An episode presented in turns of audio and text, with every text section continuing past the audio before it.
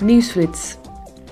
Vandaag houdt de voorzitter van het Europees Parlement, Roberta Metsola, in Brussel een toespraak bij de opening van de eerste intercommissievergadering van het Europees Parlement en de Verhofna Rada, het Oekraïense parlement. De fracties van het parlement bereiden zich momenteel voor op de volgende plenaire vergadering, die volgende week in Straatsburg plaatsvindt. De parlementsleden zullen dan stemmen over de hervorming van het emissiehandelssysteem van de EU, het mechanisme voor koolstofgrenscorrectie en een nieuw sociaal klimaatfonds. Tijdens de plenaire vergadering zullen de parlementsleden ook debatteren en stemmen over nieuwe regels in zaken ontbossingsvrije producten en een verslag over duurzame koolstofcyclussen van de Commissie Milieubeheer, Volksgezondheid en Voedselveiligheid. Daarnaast vindt er een debat met de Luxemburgse premier Xavier Bettel in de reeks Dit is Europa plaats.